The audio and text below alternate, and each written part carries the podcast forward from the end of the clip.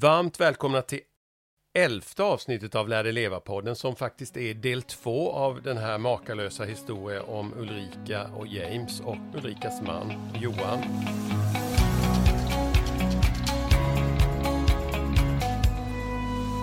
Vi tar fortsättningen där. Det var, vi fick ju, alla ni som lyssnade på del ett och har ni inte gjort det så tycker jag ni ska börja med det avsnittet för att eh, det är otroligt spännande. Och det är avsnitt 10 alltså. Men eh, ja, Susanne, hur var det vi slutade förra avsnittet? Vi slutade ju med någon spännande historia där när ni ska åka tillbaks till London från Sverige och mm. James hamnar i tullen på mm. något eh, märkligt vis. Mm. Ja, alla de här sakerna kan man ju inte. Det är sånt här man får lära sig när man hänger med James. Så att nu kommer det då en liten röd flagg här hos eh, Tullverket. Det betyder att, att de får en markering när han skannar sitt pass och tar honom åt sidan. Och där eh, berättar de då att han är efterlyst som försvunnen person eh, internationellt. Och James undrar då naturligtvis vem det är som har efterlyst honom och det får de inte svara på. Men James får ge sitt telefonnummer och sina kontaktuppgifter till Tullverket. Eh, sen åker vi tillbaks till England och är där och eh, plötsligt några dagar senare så får James ett meddelande på Facebook som eh, visar sig komma från hans syster. Mm. Och eh, då är det så här, det bör man veta med England, att England är inget transparent samhälle som vi har i Sverige där man kan söka uppgifter på nätet om vad folk tjänar och var de bor och vad de jobbar med. Allt sånt är hemligstämplat i England så vill man försvinna i England så försvinner man och då är det ingen som kan hitta en. Eh, och James ville försvinna för han skämdes så enormt över sin livsstil och på det sättet han levde att han ville inte att någon skulle veta om det här. Så på 12 år har han alltså inte haft kontakt med sin mamma och sin syster. Mm. Och det är nu de som har efterlyst honom för att försöka ta reda på om han fortfarande lever. Aha. Eh, och det här utmynnar ju då i att James får lite panik när hon skriver till honom. Han kommer springande till mig och säger Ulrika, Ulrika, titta här, det är min syster, vad ska jag göra nu? Ja, så jag, du får väl svara henne. Ja, men kan du göra det? Ja, visst, det kan jag väl göra. Kan, kan du göra det först? Kan du börja och göra det först, sa han. Ja, så jag, jag kan börja och göra det först. Så att eh, jag skriver till Janelle som hon heter och berätta vem jag är och jag menar hur ska man presentera sig? Ja men hej, jag heter Ulrika, jag är en svensk tjej i 50-årsåldern. Eh, jag har hittat din bror på gatan så han bor hos oss nu. Alltså jag menar, bara fundera på liksom eh, men Ginelle och jag börjar ha kontakt i alla fall. Hon, hon sväljer det där. Jag vet ju inte vad hon tänker men hon är trevlig och skriver tillbaks i alla fall. Och eh, det bestäms då att jag ska åka ner, James vågar inte följa med. Jag ska åka ner och träffa hans familj som då består av syster, mamma och systern har då fått fyra barn som James aldrig har träffat. Mm. Så jag sätter mig på tåget och åker ner till södra England och hans syster möter mig på tågstationen och vi klickar rätt så bra. Eh, så vi chattrar på och jag försöker berätta vad som har hänt. Hon är ganska vad ska man säga, lite mer råbarkad sådär. Inte så sentimental kanske, utan mer att fan vad han hamnade i trubbel då. Lite mer så, lite, jag vet inte, men hon var, vi, vi klickar bra i alla fall. Och då är det bestämt att James mamma ska komma förbi till hans syster när hon slutar jobbet. Eh, så att eh, vi sitter ju där och väntar och Eh, hon kommer in och hon får syn på mig och jag har ju såklart haft kontakt med henne genom systern så hon vet ju vem jag är, hon vet ju vad James har varit utsatt för och hur han har levt.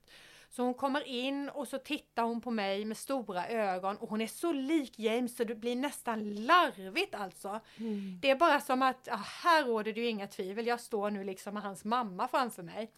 Och så går hon fram till mig och så kramar hon mig jätte, jätte, jättehårt och så säger hon You are an angel, son, you are an angel. Mm.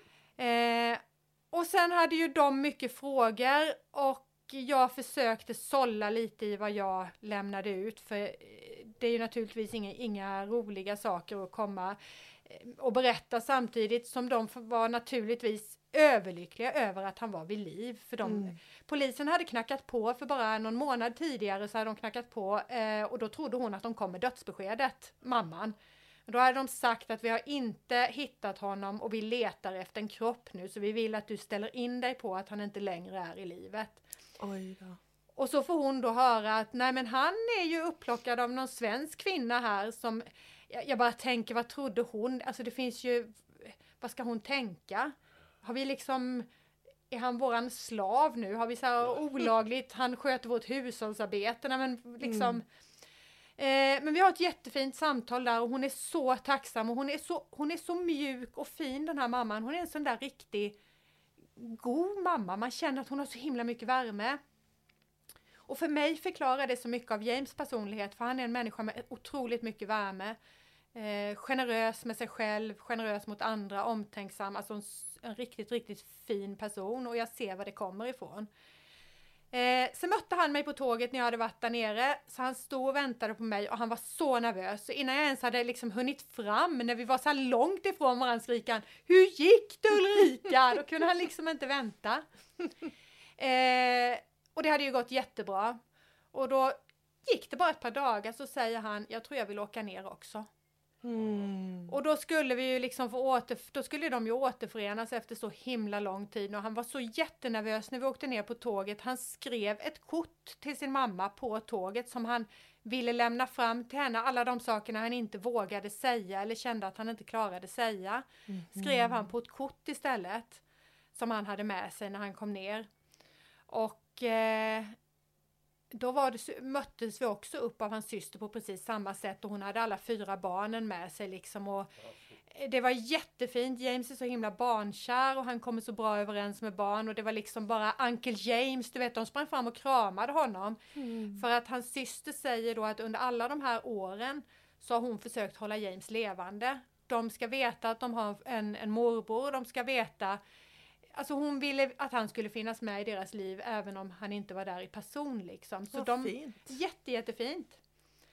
Eh, och sen var ju James jättenervös för då skulle ju mamman dyka upp i bilen där igen och, och han började fråga så här har mamma fortfarande sin gula bil kvar? Nej, det har hon inte, sa igen. Har hon fortfarande den där, du vet den där jackan hon alltid hade, tror du hon kommer ha den på sig?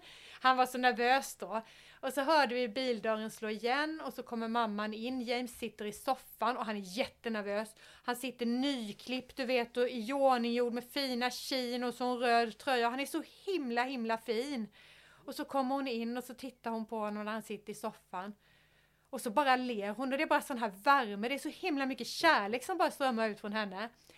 Och sen går hon fram, sen sätter hon sig bredvid honom på soffan och klappar honom på kinden. Sen säger hon You are perfect James, you are perfect. Och det var, och då, ja, då brast det ju för mig då som är rätt så känslosam. Så jag började ju storgråta, mamman började storgråta, James började storgråta och Ginelle hon tittar på oss och säger Vad är det med er? Men det var fantastiskt fint att få, få eh, föra dem samman igen efter 12 år. Ja, det förstår jag. Eh, fantastiskt var det. Så, så kärleksfull mamma alltså, så fin mamma. Och det var ingenting, det var liksom ingenting, man kände inte att, att liksom allt annat var plötsligt historia. Han är här nu, han är välmående, han är drogfri. Vi behöver inte bry oss om det andra. Man bara liksom lyfte det här fina i stunden där hela tiden. Mm. Och det tyckte jag var så fint att han fick liksom känna sig som James och det var ingen som blandade in det andra smutsiga och svarta liksom. Mm. Jag tycker det fascinerande är att, eh, att de, men ändå den, den mamman och den systern och, och ändå hamnade han på gatan för att man skulle ju lätt kunna tro att här var det en pappa som har slagit honom Mm. och en mamma som missbrukat och där, där ser man också hur lätt det är att hamna i det beroendet och på gatan. För det är lätt när man går förbi en tiggare att eh, tro att, ja herregud, det, det där är en trasig, han varit trasig sedan han var liten och, Mm. och, det men det, där ser man att egentligen då från kanske då hyfsad medelklass i, i London. Nå, eh, nej, eh, inte, där måste jag bryta in kände jag. Ja. Eh, mamman levde ju ensam med barnen när de var små. Pappan var frånvarande, där har vi ju en klassiker. Pappan hade missbruksproblem och Ja, det var okej. därför han inte levde i familjen. Och England är ett klassamhälle. Mamman lågutbildad, hade oerhört svårt att försörja sina två Ja, barn Okej, själv. det fanns ändå den Ja. bakgrunden. Hon jobbade, hon hade tre jobb för att få det att gå runt, vilket betyder att hon var ju nästan aldrig hemma. Eh, de bodde i ett väldigt utsatt område i södra England. Eh, mycket lägenheter som socialförvaltningen förser människor med och så var väldigt mycket gängbildning och kriminalitet. Eh, så att det fanns en grogrund Ja, men det för finns det det ju. dåliga. Det kände, vi, kände inte jag till. Ja. Men eh, ändå en kärleksfull mamma. Otroligt! Och James har sagt att jag har ingen annan att skylla det här på än mig själv, sa han. Det är mina egna dåliga val och de tänker jag själv ta ansvar för. Mm. Jag tänker att det tog sån tid innan, innan de efterlyste honom. Då tänker jag så här, var, var det så att det fanns en rädsla hos henne? Att han inte ville veta av dem? Alltså de hade efterlyst honom förut. Mhm. Eh, men eftersom man inte har hittat James har man inte heller kunnat tala om att han är efterlyst förstår ni. Hade han Nej. inte gått igenom tullen och varit rödflaggad så hade man ju inte vetat nu heller. Nähä, Så med jämna mellanrum så har de efterlyst honom. Ja, Och okej. polisen har letat och då kommit fram till efter så många år att han är ju inte vid livet. Han finns inte registrerad någonstans. Så Mm. Jag att, tänker att hon kanske också kände att han kanske inte ville veta av familjen eftersom han också... ja, för att han Hans har ju- initiat- initiativ att, att lämna dem. Precis Liksom. så är det. Mm. Det är han som har gått därifrån och de har funnits kvar. De, han har alltid vetat vad han har kunnat eh, ha tag, liksom få tag på Ja. sin familj. Men han har bestämde, när han såg att det gick ut för så bestämde han att jag kommer inte att träffa min mamma igen förrän hon kommer att kunna vara stolt över mig. Aha. Och, och eh, jag kommer ihåg den, den natten jag sov, en natt som jag sov ute på gatan med James, för jag har gjort det också. Eh, för jag tänkte att om jag ska kunna hjälpa James så måste jag förstå alla delar av att vara på gatan. Jag måste förstå hur, vad det livet innebär. Jag måste kunna sätta mig in i det fullt ut.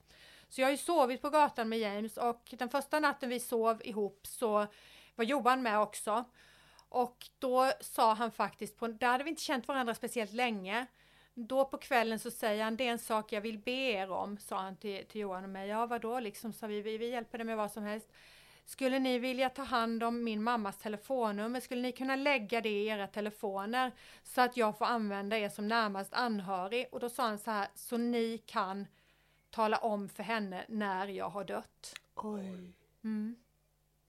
Oj, oj, oj. För jag vill att ni ska lämna beskedet till henne sen. Så han, han, Han hade- räknar inte med han räknar inte med att, att, att leva eller någonsin få se sin mamma igen. Så Oj, att det kommer jag ihåg att det, det tog ganska hårt när man la in det i sin telefon så tänkte man att vad är det vi verkligen gör här nu? Vad är, vad är det vi liksom... Mm. Så att det, det är ju helt fantastiskt. eh, Och de har ju kontakt nu, särskilt hans syster och han har mycket kontakt.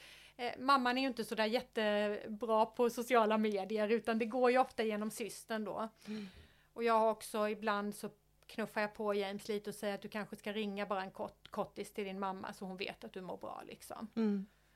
Vad hände sen då? När ni, eh, ni hade varit i Sverige och hälsat Mm. på där. James hade fått se Sverige på sommaren.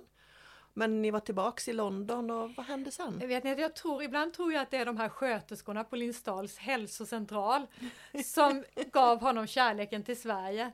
För du vet när han kom in och skulle få sina bandage omlagda där, då var det ju en lite äldre kvinna som jobbade extra, hon var i, hade liksom varit i pension egentligen.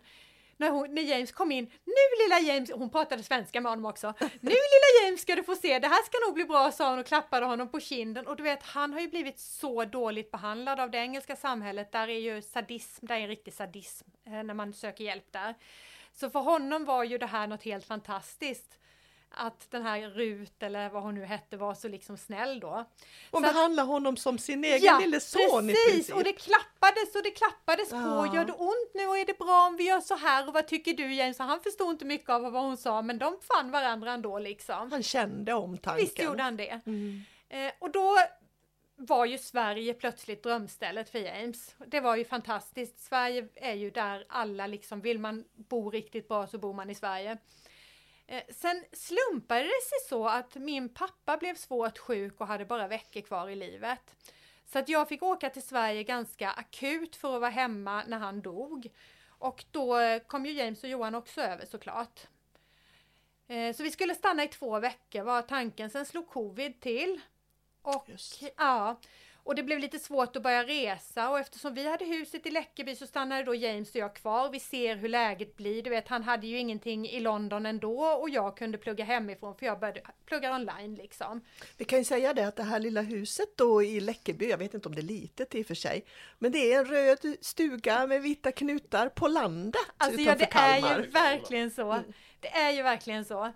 Eh, så att James och jag stannade kvar och eh, sen blev det ju sommar för det här var tidig vår och så blev det sommar och då är vi alltid i Sverige. Så då blev vi kvar och sen eh, blev vi liksom kvar för att James mådde så himla bra och han utvecklades så mycket. Och jag hade ju liksom, jag kunde plugga från Sverige så för mig spelade det ingen roll var jag var. Eh, Och då började den här drömmen tror jag växa fram hos James att tänk om man skulle kunna leva så här. Det var ingenting han uttryckte men jag såg ju hur väl han mådde av det här och hur han liksom växte och blommade ut. Eh, då tog jag också kontakt med Skällby 4H för att James skulle få något meningsfullt att göra. Skällby jag- 4H det är ju en sån, ja, 4H-gård. Ja, precis. Finns över hela Sverige, va? Stats, Stadsgård liksom. Ja, med djur och... Med djur och sånt ja. Ja. Och James älskar ju djur och har vuxit upp med djur så jag tänkte att det här skulle kunna vara någonting han gör på dagarna när jag liksom pluggar. Mm. Och de tog ju emot honom med öppna armar. Eh, Tina som är gårdsföreståndare har ju varit helt fantastisk att jobba med. Han är välkommen hit sa hon, inga problem. Så att han började volontärarbeta där och fann sig otroligt väl till rätta. Det var ju som hand i handsken. Han blev omhändertagen av människor som inte såg honom för den han hade varit utan för den han är nu och såg alla hans kvaliteter. Och han, han fick liksom arbetskamrater som han synkade med. Det var människor som började bjuda hem honom på fritiden, hem liksom på middag hos sina familjer och det blev liksom, han fick på något sätt så blev det liksom ett normalt liv för James. Mm. Han byggde liksom stenar överallt och byggde upp det här nätverket helt själv. Han är otroligt socialt eh, kompetent. Mm. Så att det här styrde han liksom med själv och allting funkade otroligt bra. Och eh, så blev vi kvar liksom till sommaren efter. Och det är ju där då James plötsligt säger till mig en dag Snälla Ulrika, låt mig aldrig åka tillbaks till London igen. Och jag tänkte, vad gör vi nu?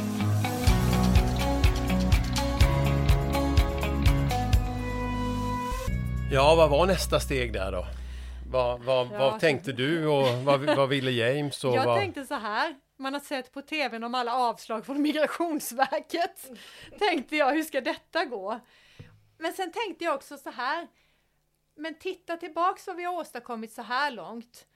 Det vi, har, det vi har åstadkommit nu borde inte vara möjligt på något sätt. Vi har redan liksom sprängt de vallarna för att det inte skulle vara möjligt att, att kunna komma längre. Jag är ju uppfostrad med en tro att ingenting är omöjligt. Min pappa har ju sagt det till leda liksom. Nej, ingenting är omöjligt. Det gäller bara att hitta rätt verktyg. Mm. Och det sitter liksom som ett mantra i mig så att jag, är, jag vet ju att allt går att lösa. Eh, så att vi började och då hade vi ju det här problemet med att Storbritannien skulle gå ur EU. Och i samma stund som de går ur EU så krävs det visum och man måste ha ett arbete och komma. Alltså det är ju den fria rörligheten försvinner ju. Mm. Så vi hade ju några månader på oss där fram till december. Så det började ju verkligen brinna i knutarna där så att eh, vi började med Migrationsverket, hade mycket kontakt med dem. Fantastiska människor som jobbar där, alltså så himla bra bemötta har vi blivit. Mhm. Eh, vi fick ett avslag först. Och då stod det på tydliga grunder vad vi hade fått avslaget för. Så att jag började, men jag började läsa lagparagrafer också. Jag blev ju helt knäpp liksom. Jag låg ju och läste alla stadgar och EU och Bryssel och vad det var.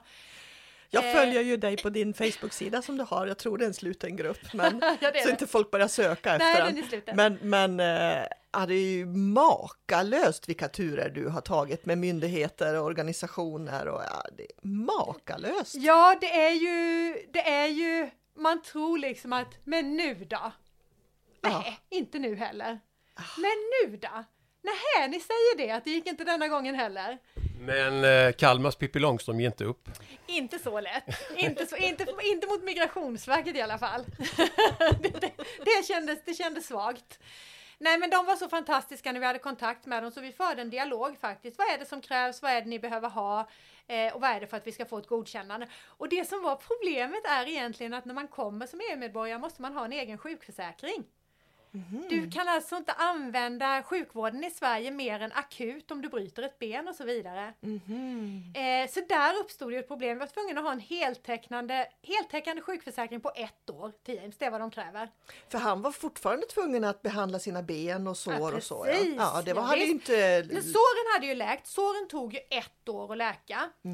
Eh, och under perioder där blev han ju faktiskt utslängd från sjuksystemet i England också. Så då fick ju jag ta hand om dem själv. Då var det fyra veckors karens när de inte får någon hjälp. Oj då. Så där fick jag ju börja kompressionslinda och så kolla på Youtube. Hur gör man det? Hur kompressionslindar man? Vilket tryck ska det vara? Men som sagt, han hade ju fortfarande en del hälsoproblem, sviter efter att ha levt på gatan så länge. Så han behövde ju ha tillgång till sjukvård naturligtvis.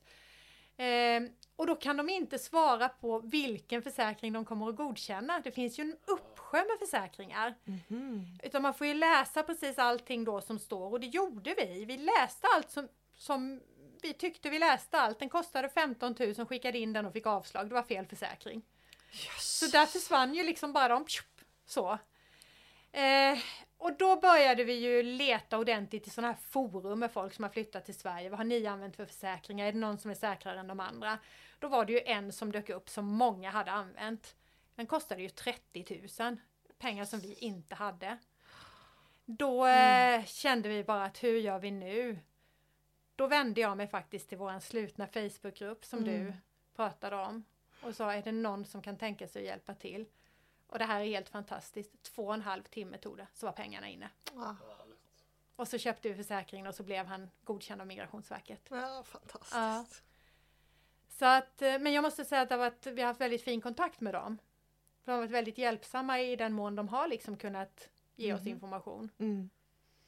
Men det är, det är mycket. I, ibland sägs det ju så här, ja men alla kommer till Sverige och bara får bidrag.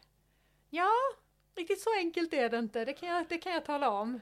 Det är viktigt. Det är viktigt, det, det krävs mycket. Det krävs mycket för att komma in i det svenska systemet. Vi har ett bra svenskt system men det är svårt att komma in där. För där kan man ju lätt säga, om man nu ska vara lite kritisk då, kan man ju precis. tänka så här, ha, varför ska vi ta hand om och försörja Precis. en engelsk uteliggare? Just precis. Mm. Och, och den, den har man ju fått genom sociala medier, aldrig, aldrig till mig i person. Nej. Eh, men där har ju vi kunnat visa på också vilket driv James har. Han har en önskan att bli självförsörjande. Han vill inte, han har levt hela sitt liv på att tigga pengar från andra människor.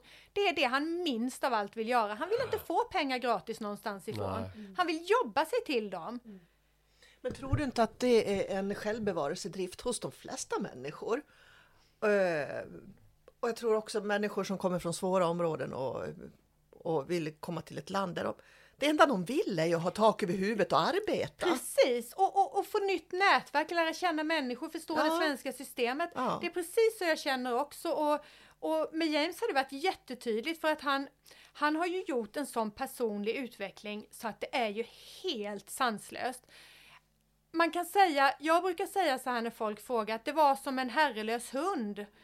Eh, han hade inte varit inomhus på väldigt länge till exempel, så första gången han kom till våran lägenhet så råkade han ju slå ner både en, en vas med blommor, så det rann vatten överallt, han gick emot möblerna, han gick in i en spegel.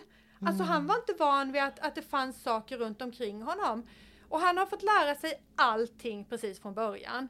Eh, och jag vet att jag får berätta de här sakerna, annars skulle jag inte göra det för jag har frågat James. Ett exempel kunde till exempel vara när han började bo hos oss mycket så tyckte jag så här. Men han kom till mig och sa min deodorant är slut. Jaha? Men alltså, du, den köpte vi ju förra veckan. Just. Jag bara, ja men den är slut nu, titta säger han och håller fram den. Ja jag ser att den är slut, säger jag, men, men hur, gör, hur gör du med deodoranten, säger jag då. Gör så här, sa han och sen rollade han den över hela sin, hela sin kropp. Och, ja, så ja, det luktar ju förvisso gott men man ska faktiskt bara ha den under armarna. Ja, det visste han ju inte utan han tyckte nu luktar jag, han rullade ju på med den där. Och, och likadant med duschkräm och sådär. Jag- tog, allt tog ju slut liksom. Men han tog ju liksom en halv flaska. Ja. Så att man fick liksom börja från början. Så här mycket duschkräm, så här gör du när du tvättar ditt hår. Som en femåring ungefär. Ja. Så här ofta byter vi underkläder. Alltså, han har fått lära sig precis allt. Han, han, kunde inte, han kunde ingenting. Jag vet att det är du som har lärt honom så himla mycket. Eller det mesta han kan har han ju fått lära sig av, av dig vad jag har förstått. Och Johan säkert också. Ja. Och jag vet att du, du eh, inte bara lär honom en massa saker, du är faktiskt, nu, nu börjar jag gråta nästan, du har ju faktiskt också gett honom ett hem. Ja, jag tänker ju så här att om man nu, om man nu tar en människa, hej nu hittar vi James, hej häng med oss här, så kan vi ju inte bara ta honom till ett helt annat land, helt oskyddat och inte ge honom någonstans att bo. Det känns ju inte, det känns ju inte okej. Alltså man, jag tänker att har man nu börjat det här måste man ju, då, då måste man ju fortsätta och det gör jag så gärna. Jag har, inget, jag har aldrig varit betungande på något vis. Men då bestämde vi oss för att bygga, vi har ju ett sånt här uthus i trädgården som man har haft cyklar och sånt i. Och då eh, sa Johan och jag att nej men nu får vi ju bygga en gäststuga här. Alltså han måste ju, eh, han bodde ju hos oss i Sverige, han hade eget rum och sådär men det här är ju en vuxen man liksom. Så vi bestämde det. Eh, det lite tråkiga i den här historien var ju bara att Johan var tvungen att åka tillbaks till London och det var ju covid så att han blev ju kvar i sju och en halv månad där. Medan jag då byggde eh, det här uthuset. Ja, jag trodde inte det var sant när du visade bilder på, på Facebook hur du du tapetserade och du målade och du byggde toalett och du... Ja, Jag tänkte, vad är det? Det Ja, finns det inga gränser för den här människan? Det, det tog ju stopp där när det skulle börja kaklas, i ba, alltså när det skulle våtrumstätas och sådär. Då, då kände jag att nu, nu behöver jag nog lite hjälp här. Så vi tog in lite hjälp på slutet, men det mesta, det mesta gjorde jag faktiskt. Eh, Det Ja. gjorde jag. Eh, och stugan, st- alltså stugan är ju så him, den är så himla fin. Alltså, den är så jätte, jättefin och se honom sitta där ute och då hade han ju också sparat ihop pengar till en TV, ni förstår, första TVn. Och den skulle, jättestor skulle den vara. Han visste ju inte hur stora TV vi har i Sverige. Ja, jag ska ha den största sa han. Och vi åkte och tittade och den tog ju upp hela hans, lä- hela hans stuga. Så han, men så stor kan det ju inte ha. Nej men du vet, så nu har han ju det. Han har ju sitt kök, han har sitt sovloft, han har liksom allting där. Så Du har lärt honom själv. laga mat? Ja, han älskar att laga mat och han är helt orädd. Han, alltså han älskar att lära sig saker. Allting går rakt in och han är så oer, han har oerhört lätt för att lära sig. Det här är en person som hade kunnat utbilda sig till precis vad som helst. Det finns ingen gräns för han är, han är skarp alltså. Både praktiskt och intellektuellt. Eh, och då är det ju Ja, vi började ju att lära honom korv stroganoff. Och han älskar ju korv stroganoff. Det, han, han älskar verkligen korv stroganoff. Falukorv, det är gott. Så att nej men nu har vi nog kört, jag ska nog säga tio rätter har vi nog lärt honom i alla fall. Så att han kan, och han tycker det är roligt. Han tar ut sin färs dagen innan från frysen för nu ska han göra spaghetti och köttfärssås. Han är liksom, han, han älskar ju livet, så är det. Han älskar livet. Och jag har förstått så är han otroligt omtyckt på 4H-gården också. Det här är ju en människa som eh, ingen tror jag kan säga någonting ont om. Jag brukar säga, som jag ska beskriva honom med ett ord, så säger jag snäll. För det tycker jag är ett, det tycker jag är ett, ett ord som ofta får lite dålig klang, att man kan tycka snäll är lite mesigt. Men jag tycker att det är en väldigt god egenskap att vara snäll. Verkligen. James är otroligt snäll. Och eh, öppen, pratar med alla, hjälpsam, artig, ni vet den här engelska artigheten. Den är vi inte så vana vid i Sverige. Den använder han ju när han är bland människor och det uppskattar ju människor. Han måste ju ha väldigt mycket nytta av det på 4H-gården också. Ja, alltså han, det har ju faktiskt blivit så att det finns det är folk som skriver vi vill komma och hjälpa till men vi vill göra det den dagen James jobbar. Ja. För att de tycker om att hänga med honom. Han är alltid glad, han är artig, han, han är liksom duktig, han är pedagogisk. Jag vet att du har eh, svensk lek- lektioner med honom också. Jajamän, vi köpte ju kurslitteratur. Så det körde vi tre gånger i veckan, de dagarna han inte jobbade klockan två. Då kommer han med sina böcker under armen. Han är Ah. studiemotiverad alltså, han är enormt studiemotiverad. Och en språkbegåvning. Det pratade jag faktiskt med hans mamma om. Hon sa att tänk att det kommer jag ihåg, sa han att James hade ett extra språk i skolan. Vi valde till ett extra språk för han är så begåvad. Otroligt språkbegåvad. Eh, så det har vi hållit på med nu i, det är väl två år då va? Mhm. Han är duktig. Han, är lite, han kan vara lite blyg för att försöka så här, otroligt duktig. Han kan prata mycket svenska nu. Bara att han är lite rädd för att försöka. Mm. Så det har han ju också, svenska, så det har han ju snart fått språket känner jag.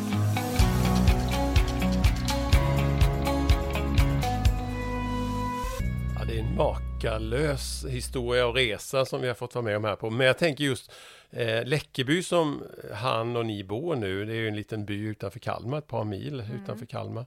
Eh, hurdant är det där? Hur, hur, för det, där känner ju alla alla. Ja. Eh, hur eh, gillar man honom eller hur reagerar man i den lilla byn att James har flyttat in? Det skulle ju kunna gå på två håll. Faktiskt. Mm, det, den är ju lite riskabel. Ja, Nu är ju James väldigt, väldigt öppen och tycker väldigt mycket om människor, kontakt med alla människor. Så att om någon till exempel sitter ute och dricker morgonkaffe på en altan och vi, vi går alltid en morgonpromenad. Det gör vi varje morgon. Varenda morgon är vi ute och går.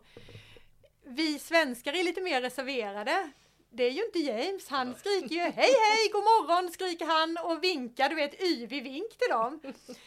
Så att, och så här, så här är han, han, sök, han söker kontakt. Eh, han stannar gärna och pratar med någon som är ute i trädgården och undrar lite och sådär. Så att jag kan känna att lite är han som en maskot som alla tycker om. Men han är också en ambassadör för byn. För jag vet ju inte, det vet inte jag, det är många, alltså Läckeby är jättefint, det är en jättefin liten by, men jag vet inte hur många som har uttalat meningen jag vill aldrig bo någon annanstans än i Läckeby. Och den har ändå James uttalat några gånger. Han älskar Läckeby och alla älskar honom där. Mm. Särskilt pizzakillarna. De blir glada när James kommer in.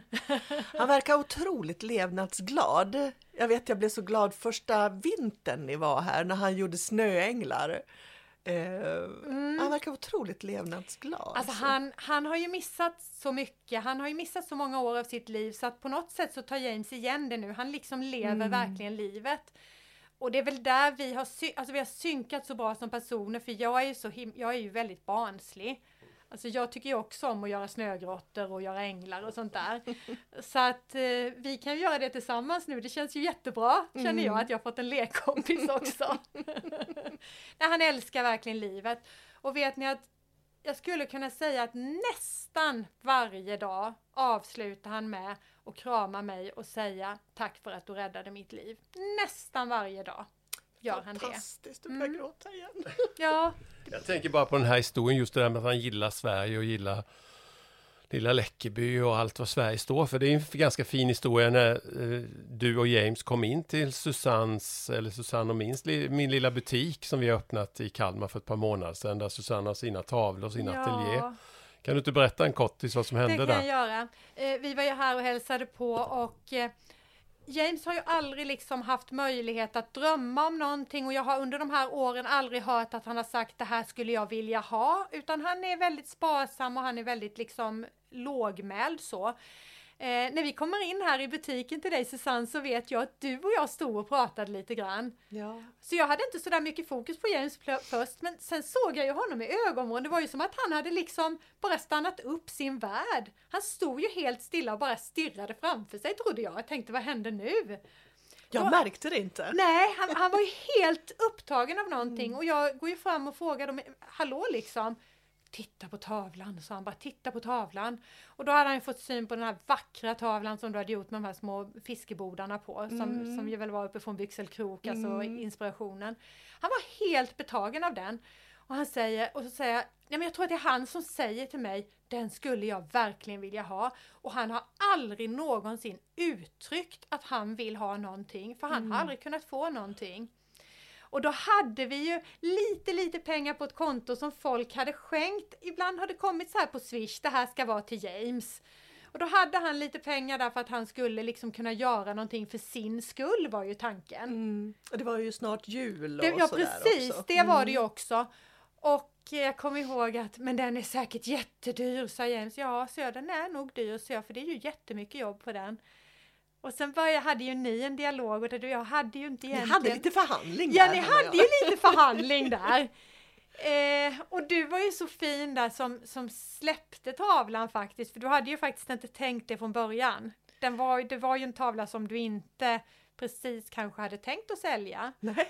Men, faktiskt, det ja. låter jättekonstigt. ja, men- men så var det ju Mm. faktiskt och den är så, och den är så jättefin men han blev alltså så betagen av den så att eh, när vi gick ut härifrån så hade han ju köpt tavlan. Mm.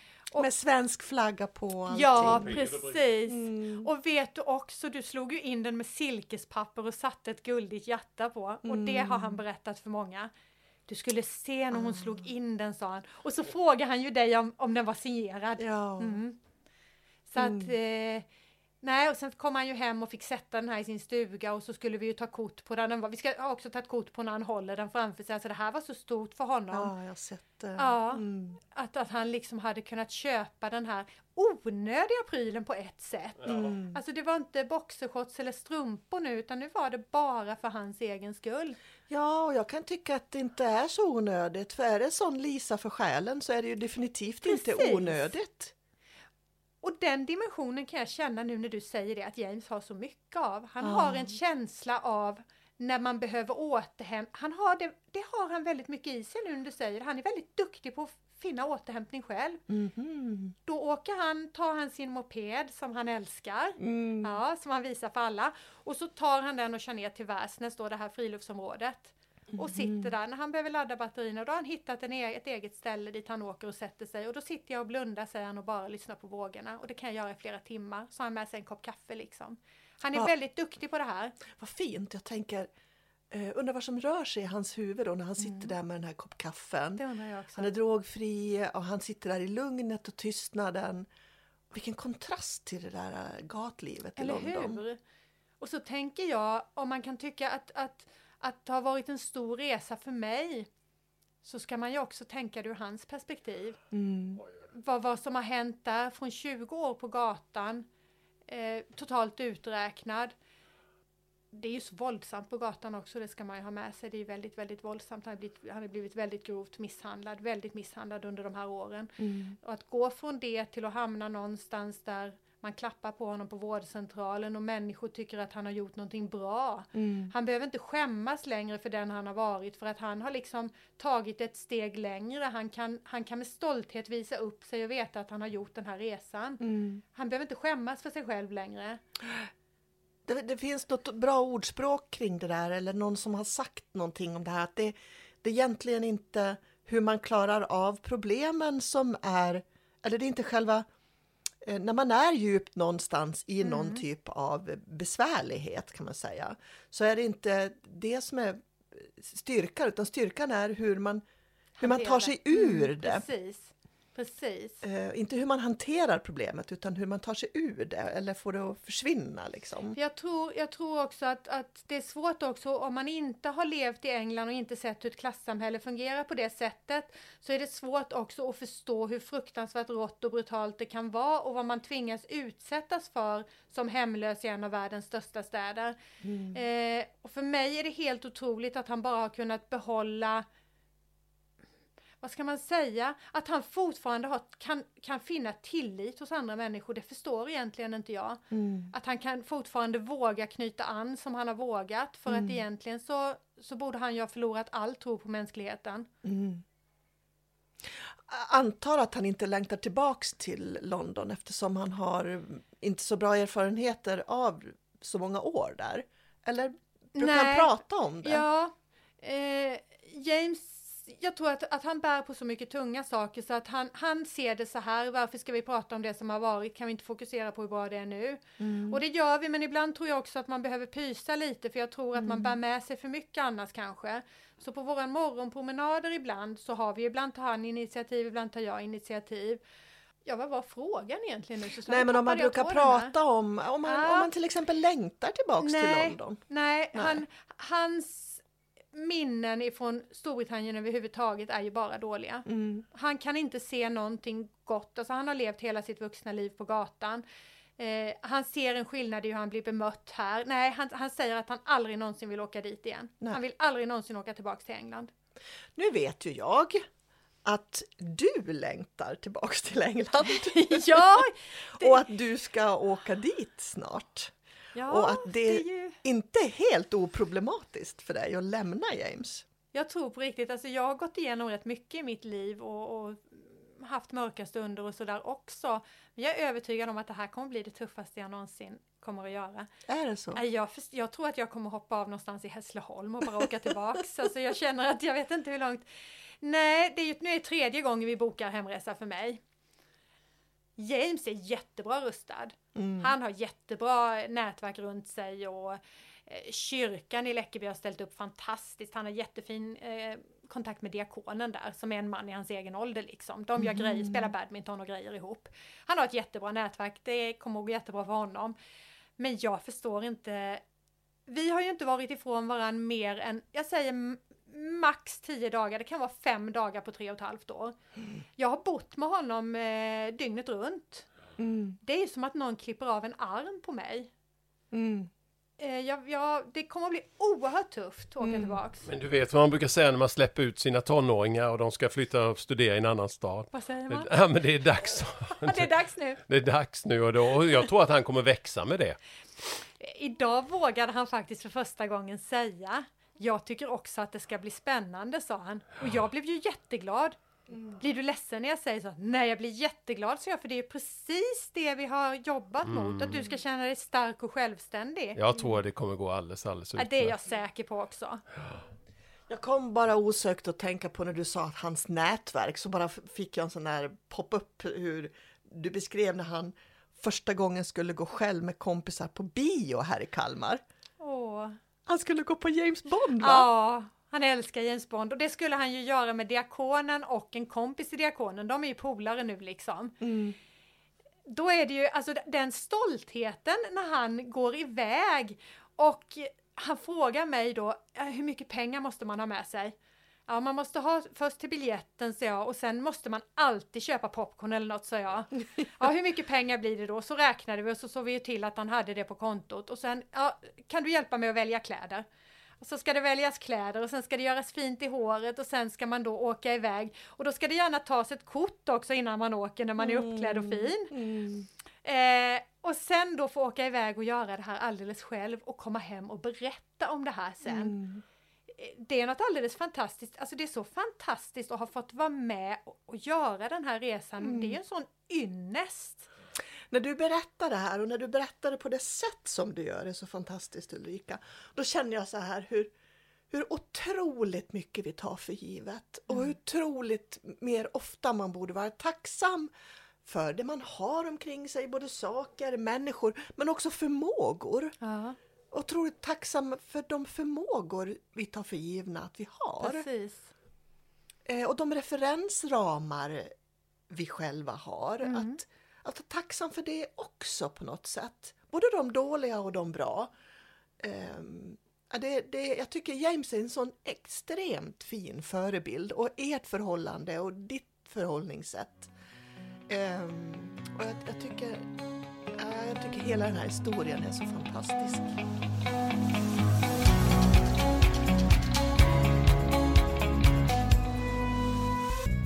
Vi kanske ska avsluta där med den här Vi avslutar härliga, på topp. ja, den När härliga historien när han går på bio och kommer Ja. hem och får berätta något som du inte vet. Absolut, absolut. Och får glädja dig på något sätt också.